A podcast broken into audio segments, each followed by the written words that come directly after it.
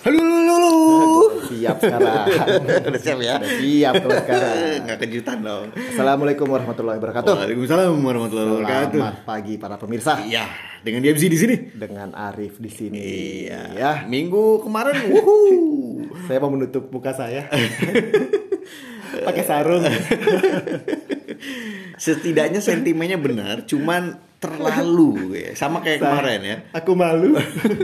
Sentimennya positif tapi dulu ya dulu eh, terlalu positif. Sekarang sentimennya negatif tapi negatifnya keterlaluan ini. saya udah gak mau nebak-nebak lagi. Jangan saya kapok. kita harus tetap eh, memberikan guidance Iya, gitu. siap. Oke, jadi menu minggu Berarti ini sekarang gue setiap habis ngasih view pakai disclaimer ya. Gitu. Gue udah pakai gitu terus sekarang. ya, Dim. Minggu ini kita akan bahas pergerakan minggu kemarin ya terkait dengan data-data tuh ada RBA juga. Terus yang paling penting dan menggerakkan pasar itu sebenarnya sentimen negatif menjelang data inflasi US. Gitu. Ada beberapa data lain tapi juga ada data yang baru aja fresh ya hari Jumat kemarin. Kita typing kan hari Sabtu ya. Nanti aja. Itu ada data inflasi US. Dan setelah itu baru kita bahas proyeksi market minggu depan seperti apa. Wis, bisa nggak kita? Insya Allah. Insya Allah bisa ya. Iya. Sentimennya sih kurang lebih kita bener lah. Cuman kadang-kadang eh, eh, apa Gua ya? ada udah udah kita buka dulu ya kita buka Iya. dulu ya. Ting tung. Ting tung. Iya. Ntar dulu kita freestyling aja dulu lah ya, freestyling dulu lah. Nggak usah liatin dulu kita. freestyling? Lu mau joget? Saya lelah. Jadi tadi kan lu ngelesnya begitu. Hmm, ya. Kalau gua tadi ngelesnya, pikirnya ternyata yang naik obligasinya itu bukan yang 10 tahun. Walaupun kan gue baca 10 tahun terus kan benchmark 10 Yieldnya tahun, naik, yieldnya.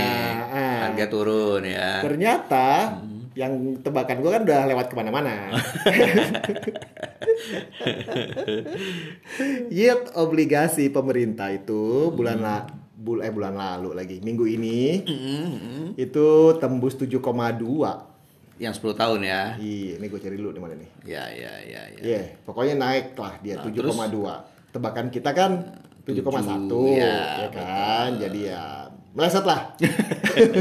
Ya arahnya bener. Kan gue selalu bilang arahnya bener. Cuman ini terlalu over. Ternyata yang menguat harganya yang 2 tahun, Dim. Hmm, make It- sense. Ya, jadi emang sekarang ya gua sekarang ya, ya you live you learn gitu kan. Jadi jangan lihatnya 10 tahun doang, Rip. Cobalah sekali-sekali lihat yang 2 tahun gitu kan. Ya, sudahlah. Anyway, Ya, gue bilang make sense karena memang ya kita melihat kan inflasi itu berarti lebih ke jangka panjang ya. Jadi jangka panjang trennya melemah. Tapi dari sisi belajar, belajar. dari sisi eh, kebutuhan akan obligasi ataupun fixed income itu tetap ada terutama di perbankan. Iya. Jadi banyaknya lebih ngambil yang short tenor. Yes. Jadi menurut gue itu make meredam, sense. meredam. Ya Gitu. Sudah, kita mulai. Ya. Ya. Awal minggu. Awal minggu sebenarnya pergerakannya ag- ya belum terlalu kelihatan overreact-nya lah ya. Eh, dari dari pergerakannya itu memang dari rupiah itu memang belum jauh-jauh dari 14.450 mendekati Tapi menangkat naik gak sih rupiah kemarin? di hari Senin sih nggak terlalu, masih Hari Senin nggak 14.450 ya. IHSG juga masih bergerak eh, ya memang agak berat dari awal kan sebelumnya kita bilang agak berat nih kayaknya naik ke 7.300 ngetes ke situ kayaknya agak berat. Dari situ udah kelihatan lah dari hari Senin tuh sebenarnya udah agak berat. Gitu. Nah, eh, kemudian dari eh, beberapa data itu lupa, memang lupa tutup pintu. nggak apa-apa tukang roti lewat mengundang Lo bilang lagi. nggak apa-apa tukang Terus, roti terus, kan terus. mau jualan siapa tahu dia mau bikin iklan di sini Ini roti yang mana nih? Kayaknya biasanya roti lau dulu gitu ya roti lau oh bukan, bukan, bukan, bukan. roti Warna. terkenal zaman dulu tuh roti lau kalau lo Iya, kenal gambarnya lah, logonya kan logo cewek. ah ya biru biru lah pokoknya ada biru biru Nah, Lupa kan lo mau ngomongin apa?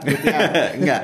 Ya, kalau terkait data itu sebenarnya minggu lalu tuh di awal juga sudah eh, sentimennya negatif. Gara-gara itu tones-nya itu eh, kalau nggak high inflation team, terus kemudian nyambung ke stagflation, terus nyambung ke resesi, sampai akhirnya ada berita terkait dengan ini. Sebenarnya ini minggu sebelumnya juga bahwa eh, kayak eh, apa tuh namanya kayak per, apa ya bankers itu kalau misalnya kayak GP atau apa itu namanya apa ya Investment banking. investment banking ya jadi top kalau nggak salah ada dua top investment bankings itu Apa dia bilang?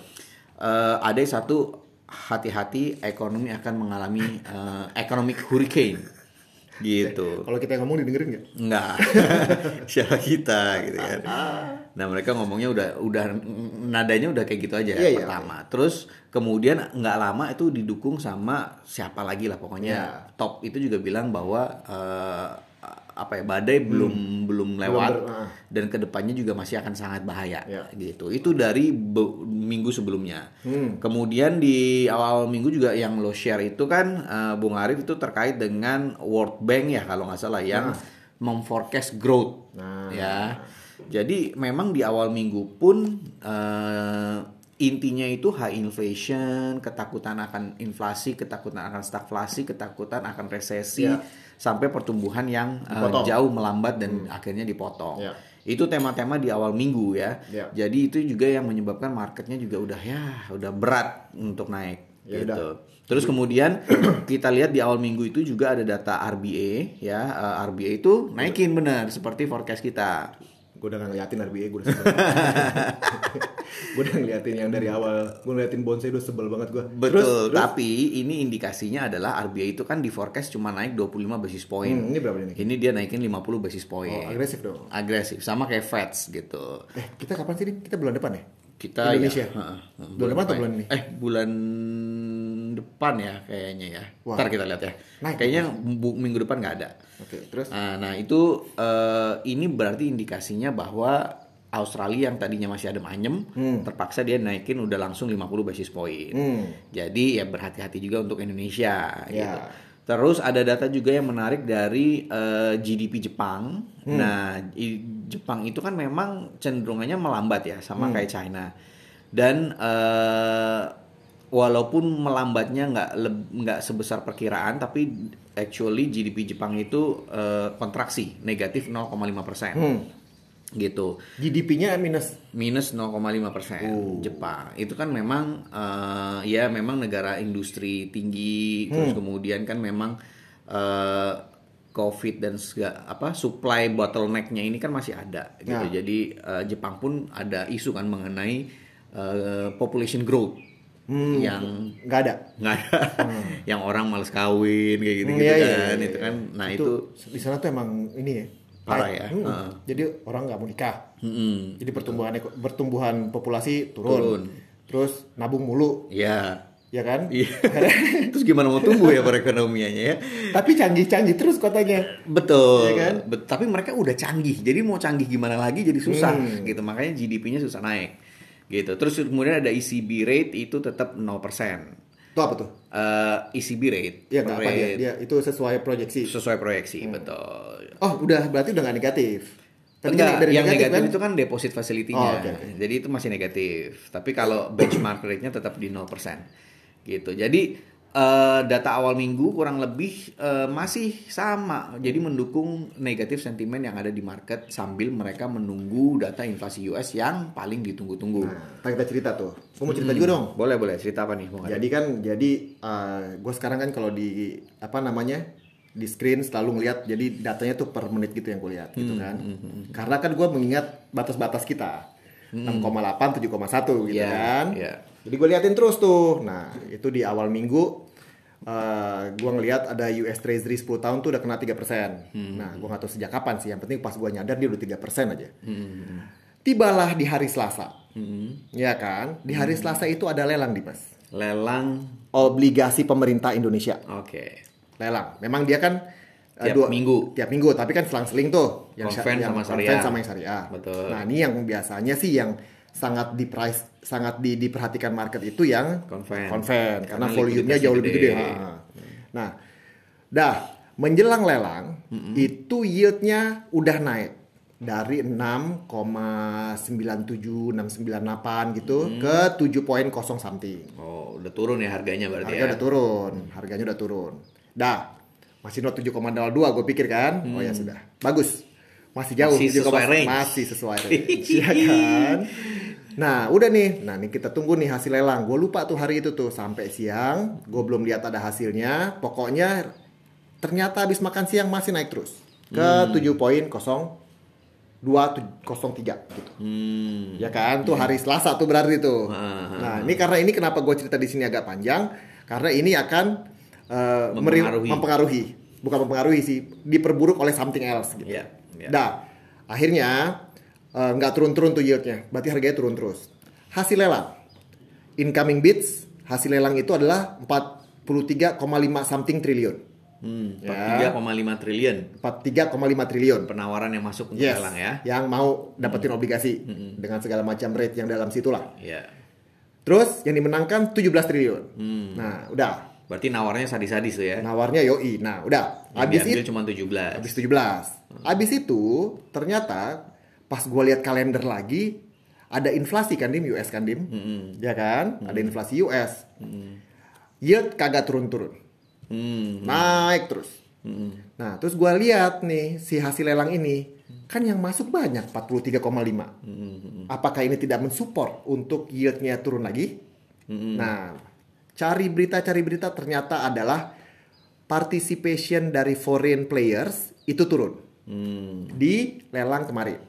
Hmm. Dari 14,24 persen jadi tinggal 12,16 persen. Hmm. Para pemain foreign yang meng- yang berpartisipasi dalam lelang tanggal 7 Juni kemarin. Betul. Ini gua quote dari Bloomberg. Iya. Memang kan dari foreign holding kita kan memang dari dulu kan kayak terus turun-turun-turun gitu kan, mengingat juga inflasi yang eh, global inflation yang naik gitu kan. Jadi US Treasury eh, di Amerika itu juga eh, apa naik, jadi Ya. menarik lah ya intinya daripada daripada di Indonesia, mendingan langsung aja di eh, US yang lebih eh, resikonya lebih kecil. Betul. Nah ini gue lupa tadi tadi lu ngebahas si World Bank kan, gue masih ingat WA gue ke lu. Karena itu gue pas lagi nonton TV-nya tuh di di Bloomberg TV, itu statementnya apa World Econ World Economic is in danger. Des, ngeri nggak lu? Iya, iya, Yang ngomong presidennya men. Iya, Ya betul, kan? betul. Nah, bla bla bla. Pokoknya yang bottom line yang bisa kita sampaikan ke para pemirsa itu adalah World Bank memotong estimasi untuk pertumbuhan ekonomi global untuk tahun ini menjadi 2,9 persen.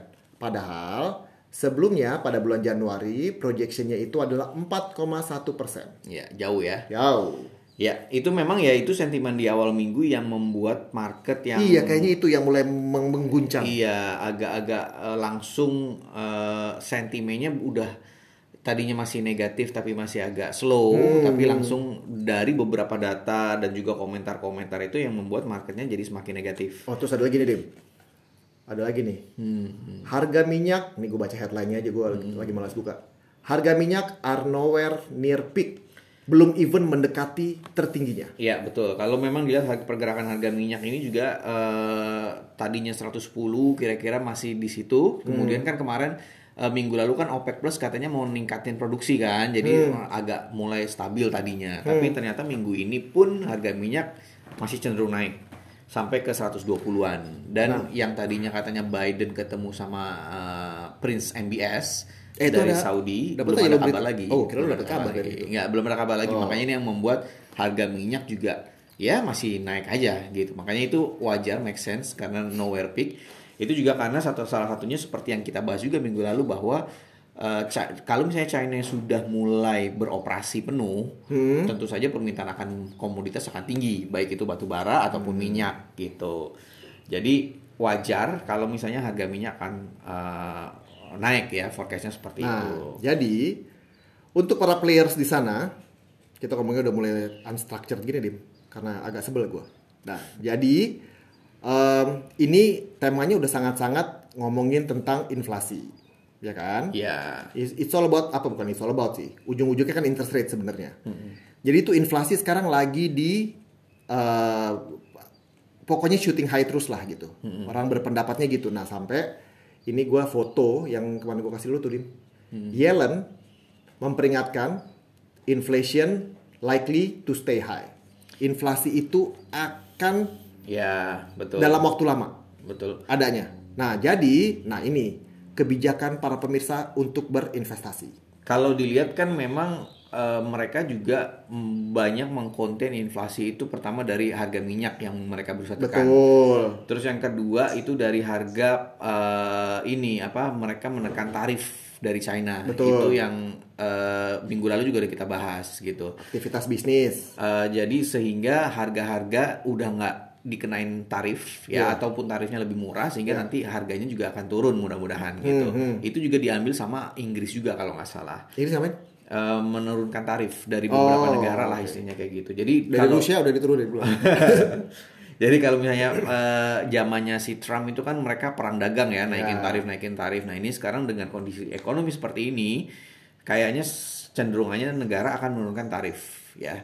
Jadi otomatis pendapatan negara tersebut akan turun, tetapi dari sisi inflasi itu diharapkan akan eh, Terkonten. terkonten Ya. gitu. Jadi kalau misalnya kita lihat apa namanya, eh ini jadi gini. Sekarang itu berita jujur aja. eh, waktu itu ada siapalah yang yang yang nanya gue ya market gitu kan. Jadi gue bilang jujur aja kalau gue lihat apalagi karena kita juga kan melihat analis-analis di luar sana kan, itu mix dim. Mixnya meaning bukan berarti mix yang satu bilang naik, yang satu bilang turun, enggak. Yang satu bilang naik sekian, yang satu bilang naik sekian. Misalnya contoh, Turun maksudnya? enggak enggak, Negatif. Bukan, maksud gue kalau misalnya apa namanya dalam mereka melihat itu gue bukan melihat bahwa yang satu nanti bilang interest rate-nya naik, yang satu bilang interest rate-nya turun bukan. Jadi kalau misalnya kayak US contohnya, Oh, interest rate naik cuma seberapa ah, besar? betul. Ya, nah ya. kayak sekarang nih, baru gue lihat tadi pagi, eh, kenaikan ka- para analis bilang kenaikan sebesar 75 basis points eh, is is back on the table. Hmm, hmm. Padahal kan kita waktu itu pas kemarin ngomong market udah tenang. Iya, betul. Gara-gara udah tinggal 50 basis point naiknya betul. gitu. Nah, sekarang dimunculin lagi nih. Betul, Nah, jadi ini ini eh, cukup cukup apa namanya buat gua ini masih akan membuat market volatile. Gonjang ganjing, ya betul. Karena kalau misalnya itu pasti mereka melihat data dulu ya, dan Betul. yang paling ditunggu itu kan data inflasi. Yes, gitu. betul. Nah sebelum kita bahas inflasi US itu sebenarnya ada data inflasi China juga. Hmm. Inflasi China itu, nah China sendiri kan memang eh, baru beberapa minggu ini agak loose ya, Hmm. walaupun ternyata di Shanghai atau di mana ternyata baru dibuka ditutup lagi, Hmm. karena mereka masih tetap believe dengan zero eh, zero covid policy. Oh, jadi gini kalau ada yang misalnya ada yang kena satu langsung tutup ya Iya, negara gitu ya. Eh, eh, Iya betul. Perdana Menterinya masih believe dengan kebijakan itu, walaupun banyak sekarang eh, warga China yang udah teriak gitu. Dan ini ter ter Baru terli- mau baru mau nge-mall. Terus, Iya. terus dengar temennya Betul. dengar temennya lagi gua kena Covid nih. Ah, jangan bilang-bilang lu. kalau enggak kita tutup semua nih kan. Iya, bener. Ibaratnya banyak yang kejebak kayak gitu. Jadi dia lagi ngeliat apartemen baru nih belum selesai, terus tiba-tiba ditutup dia nggak bisa ke mana-mana, nggak bisa pulang. Ada yang sampai pacaran di rumah, Iya. di rumah ceweknya, terus tiba-tiba lockdown, jadi dia nggak bisa pulang. Langsung dikawinin. itu, itu jadi lockdownnya itu sangat-sangat parah itu Iya. nggak nginget nggak nginget nggak ada grace period pokoknya lockdown lockdown nggak bisa awas lo keluar jalan gua tembak. ya jadi tapi dari sisi data inflasi China itu juga memang terlihat bahwa dia masih belum bisa tumbuh Hmm. inflasinya itu masih di 2,1 persen sama seperti periode sebelumnya year on Ini year-nya 2,1 persen ya dia. 2,1 persen rendah kan untuk Iya. untuk untuk China gitu Emang kan udah terbalik dunia ya. Ya, Indonesia kan sekitar hampir tiga Hmm, kan hmm, gitu. hmm, Nah ini dia masih 2,1. Ya itu efek dari yang tadi ya. Nah itu eh, pertengahan minggu lah ya kurang lebih mendekati akhir sampai akhirnya market enging-eng gitu. Tibalah kan. masanya kita pas lagi tidur. Lu udah tidur belum? Lu nonton? tidur. Tapi sebelum ini kan, nah ini masalahnya adalah US inflation ini terjadi di Jumat malam ketika market kita udah tutup. Betul. Nah, Nah, jam sebelum- berapa sih? Jam 10 apa tengah malam sih, Dim? Eh, kayaknya mendekati tengah malam lah ya. Oh, Lupa oke. gua jamnya. Pokoknya market kita udah tutup lah ya. Ah, terus terus. Tapi sebelum itu pun Sebelum market itu kita apa? pun juga udah turun. Ya Oh. kalau misalnya IHSG kita lihat itu sudah turun negatif 1,07 persen. Oh gitu. Jadi mendekati level 7000 lagi. Ya. Terus kemudian rupiah dari pertengahan minggu udah telap-telap dia. udah nembus level yang gua iya. Lu dari tadi gue kan ngomongin yield te- tebakan. Lu Iya. yield tebakan lu gimana kemarin ya? Empat, eh, harga harganya Iya, harga. 14.450 nggak jauh dari situ. Ya, Ternyata, ternyata. 14.500 itu sangat mudah ditembus. Pagi-pagi gue liat lah, ini empat salah angka apa Kayak depannya udah, gitu ya. udah gak ada halangan aja gitu ya. Udah hajar aja udah naik gitu. Sama kayak yield. Terus terus terus. Kayak palanya tuh salah gitu nih, kayaknya salah pala nih kayaknya nih. Eh, enggak ternyata bener gitu. Dan akhirnya pun ditutup mendekati 14.600. Ih. 5 580 Ya, gitu ya, kan. ya, ya, Walaupun ya, ya. sore 55 570 560 gitu kan, tapi 580 tuh hampir mendekati 14600. Jadi lu kelewat juga ya. Kenapa sih lah harus dipertegas gitu kan? Kayak kita ini sportsmanship. Oh iya, kalau kita kan sportsmanship, kalau masalah ya udah. Betul. Tapi kalau misalnya kita lihat Dow Jones sendiri pun itu minggu lalu juga negatif 4,96 persen. Hmm. Jadi kalau misalnya IHSG turun negatif satu persen masih oke lah. Dow Jones aja turunnya hampir 5 persen gitu. Oh, kapan tuh? Itu minggu lalu sama. Sepanjang minggu lalu atau? Sepanjang minggu Oh. lalu, sepanjang minggu lalu. Nah, eh, jadi eh, market itu sebenarnya sudah price in dengan sentimen-sentimen data yang tadi kita sebut, Betul. gitu kan. Tapi ternyata inflasi US yang keluar tadi malam Ah. itu ternyata Ceng ceng. lebih buruk dari perkiraan, Parah.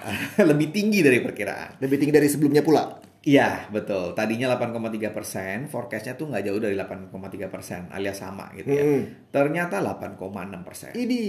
Dan yang menarik adalah core inflation. Core inflation itu kan sebenarnya dia sudah mengeksklud volatile food dan fuel commodities kayak gitu kan. Gimana kalau kalau kalau kalau, kalau itu apa? Core inflation itu sebenarnya sudah mengeksklud harga-harga yang volatilitasnya tinggi. Oke. Harga makanan yang volatilitasnya tinggi dan Dikeluarin harga dari situ? komoditas di eh, Hmm, keluarin. hmm, hmm, hmm. Hasilnya juga tinggi gitu dari eh, ya sebenarnya mengalami penurunan ya, tapi maksudnya eh, tadinya kan 6,2 persen, Hmm. diperkirakan setidaknya turun ke 5,9 persen.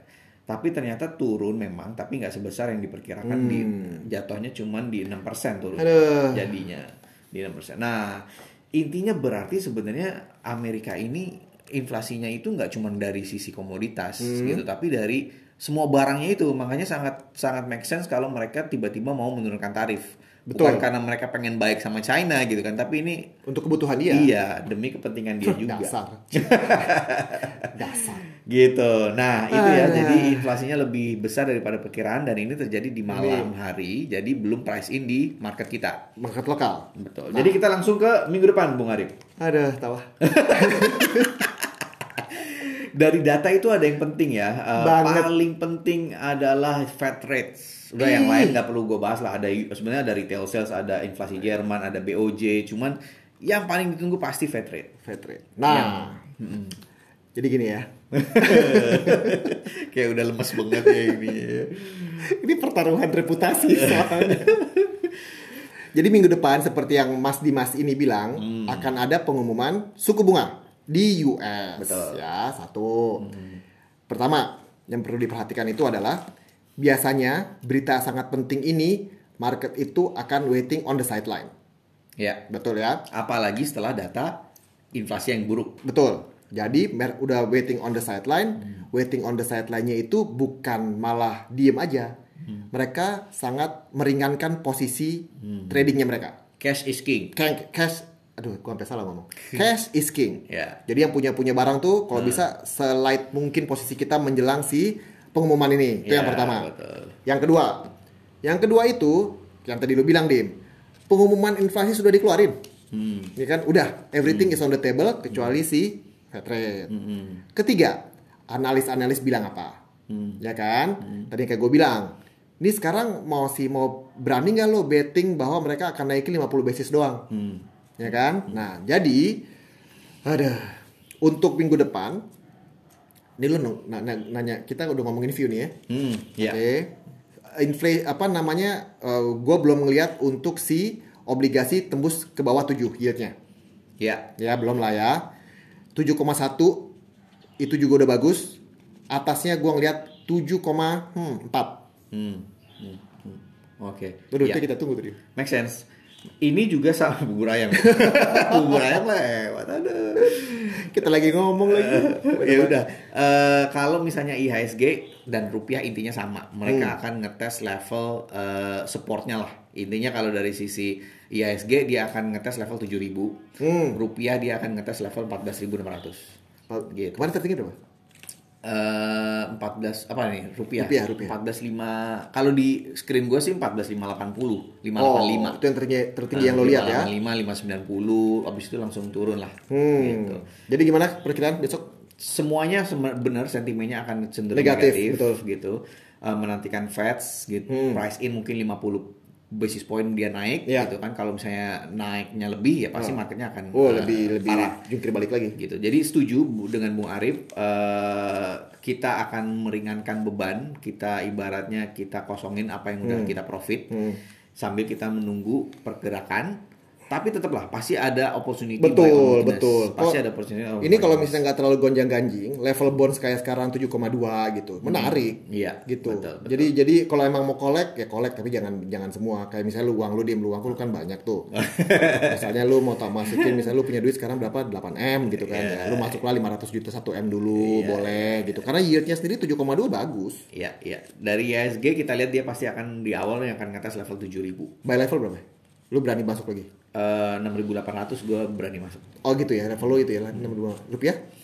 Rupiah yang kita lihat lah 14.600 kayaknya sih bisa tembus dulu nih. Iya iya, gue ya, gue yakin sih tembus Dim. Nanti kita lihat dia 14.600-nya lama nggak di atas 14.600. Hmm, kalau itu lama, Kalau lanjut lagi dong. ya berarti lu tahan dulu aja. Kalau sudah. misalnya enggak, ya berarti masuk lah. Oke. Gitu.